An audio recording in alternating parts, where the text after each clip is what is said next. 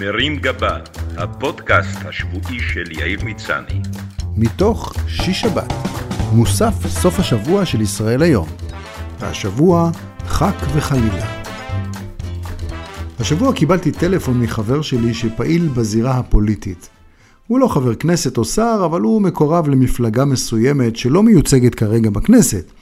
הוא פתח את השיחה בדברי נועם, ציין שאני אדם איכותי, מרענן, נועז, אמיתי וחכם. כשהתחלתי לתהות אם הוא יצא מהארון ומעוניין להעביר גם אותי צד, הוא עבר לתכלס והסביר שלדעתו אני צריך לרוץ לכנסת. הוא אמר שימליץ למוסדות המפלגה להציב אותי במקום ריאלי, שיש לי סיכוי טוב, ושלמרות שאני ידוע כאיש לא רציני, כדאי לי לשקול את העניין ברצינות. כמי שאף פעם לא מצא משהו שלילי וקצת חנופה, אמרתי שזה נשמע מעניין, והפצרתי בו להמשיך להסביר לי במילים חמות מדוע אני מתאים. בעודנו מנהלים יחסי מחניף מוכנף, התחלתי לדמיין את עתידי הפרלמנטרי כשאני בוחן את היתרונות והחסרונות. חשדתי שהוא מייעד אותי להיות ורסיה חדשה ומקריחה של אורן חזן, מי שייכנס לדפי ההיסטוריה בזכות הישגו התקדימי לגנוב סלפי עם הנשיא טראמפ, שלידו נראה ממלכתי כמו אבא אבן.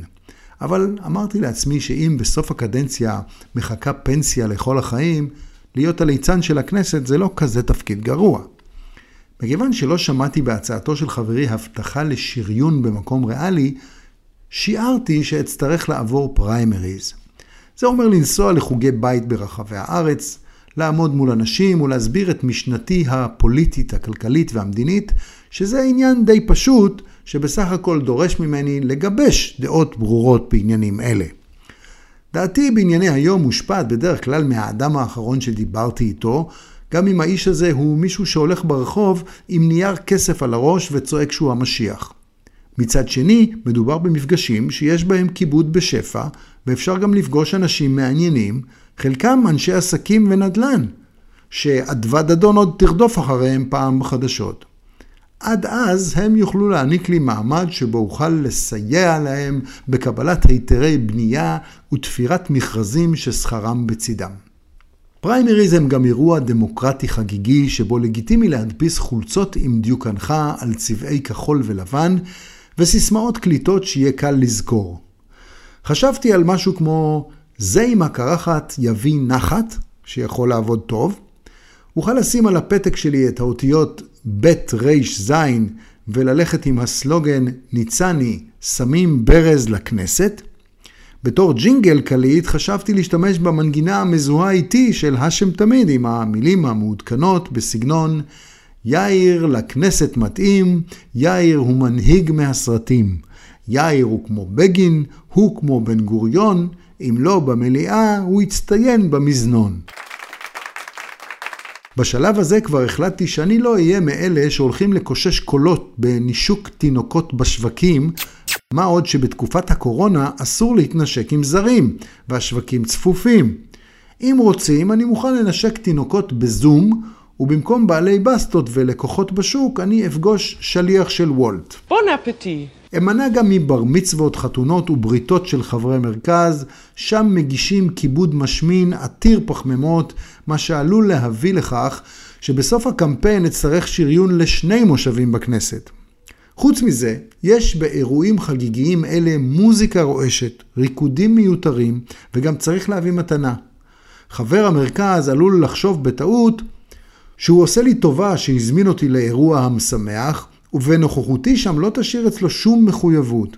במקום זה, אם אתרכז בביקורים בשבעה ובאזכרות, חברי המרכז יתרגשו, והעובדה שביקרתי אותם בשעתם הקשה תיחקק בליבם.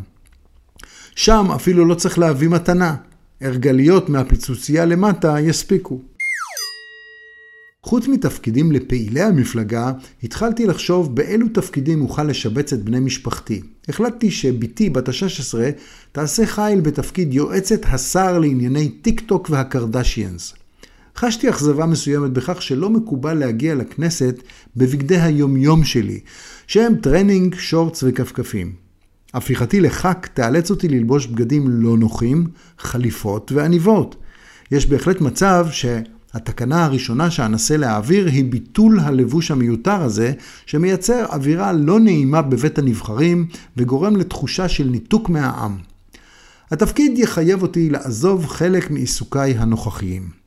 המחשבה שאמשיך להופיע עם טיסלאם, ובמופע במועדון אפוף עשן ואחרי פרצופה של המדינה יכריזו ועל הקלידים חבר הכנסת יאיר ניצני נראתה לי חסרת תקדים. במסגרת התפקיד החדש אאלץ גם להתראיין תכופות לתקשורת. אצטרך להגיע לצעוק קצת אצל אופירה וברקו, ולאמץ ללקסיקון שלי ביטויים שאני לא מורגל בהם, כמו לא יעלה על הדעת, בכל פעם שמישהו ממפלגה יריבה יציע רעיון המנוגד לעקרונות שלי או לאינטרסים שלי, למען עתיד ילדינו, כשאצטרך לתרץ הוצאה של מיליארדים על משהו שקשה לראות בו היגיון לעתיד הנראה לעין, אלא אם כן הילדים שלך הם טייקונים ואוליגרכים, זה הזמן להיכנס מתחת לאלונקה בכל פעם שלא יהיה לי זמן וכוח לקבל החלטות קשות.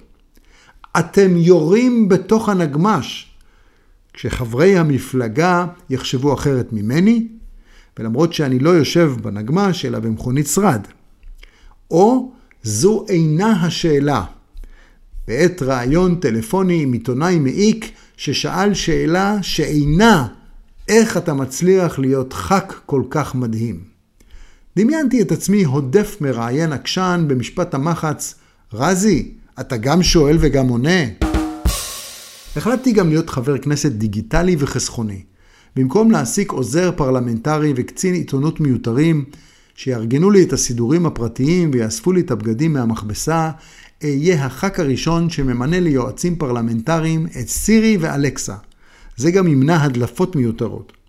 חסינות היא בהחלט סטטוס שכיף להיות בו, ואני עוד זוכר את הקלף השימושי קבל חנינה במונופול, שאתה שומר בצד ושולף כשאתה מתגלגל לבית הסוהר. פטור מדוחות תנועה הוא בהחלט יתרון ששווה לאמץ, וגם מכונית על חשבון המדינה נראית לי רעיון חסכוני. רשמתי לעצמי לבדוק למחרת מה שווה המכונית שלנו ביד שתיים. פראייר אני לא. האפשרות שאתמנה לשר נראית לי סבירה לגמרי. אחרי כמעט שנה בלי לצאת מהארץ, אני זקוק לקצת אוויר צח, ולדעתי, אני בהחלט מתאים לתפקיד שר התפוצות. בכוונתי לטוס ברחבי העולם ולחפש קהילות יהודיות שנזנחו, עם דגש על תפוצת יהודי מלדיב מהאיים המלדיבים, על אנוסי סיישל ועל יהודי הקריבים שהונהגו על ידי רבי מאיר בעל הרסטה. את תוכניותיי בתחום קיבוץ הגלויות והקוקוסים קטע חברי מעבר לקו הטלפון, כששאל מה דעתי על הרעיון. שאלתי אותו למי עוד פנו בנושא, והוא ענה שהם חושבים לפנות גם ליובל המבולבל ולמני ממטרה. מי שיסכים ישוריין כמספר אחת במפלגה.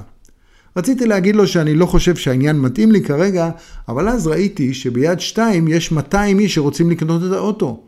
אמרתי לו שייתן לי לילה לחשוב על זה, כי מחר אהיה יותר חכם. למחרת קמתי וראיתי שאני אותו טמבל. לקחתי את הטלפון וכתבתי לחבר שלי הודעה.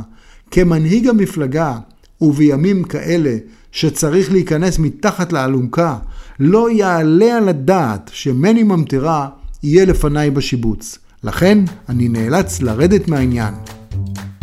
שבת שלום. מרים גבה, הפודקאסט השבועי של יאיר מצני. מתוך שיש שבת, מוסף סוף השבוע של ישראל היום.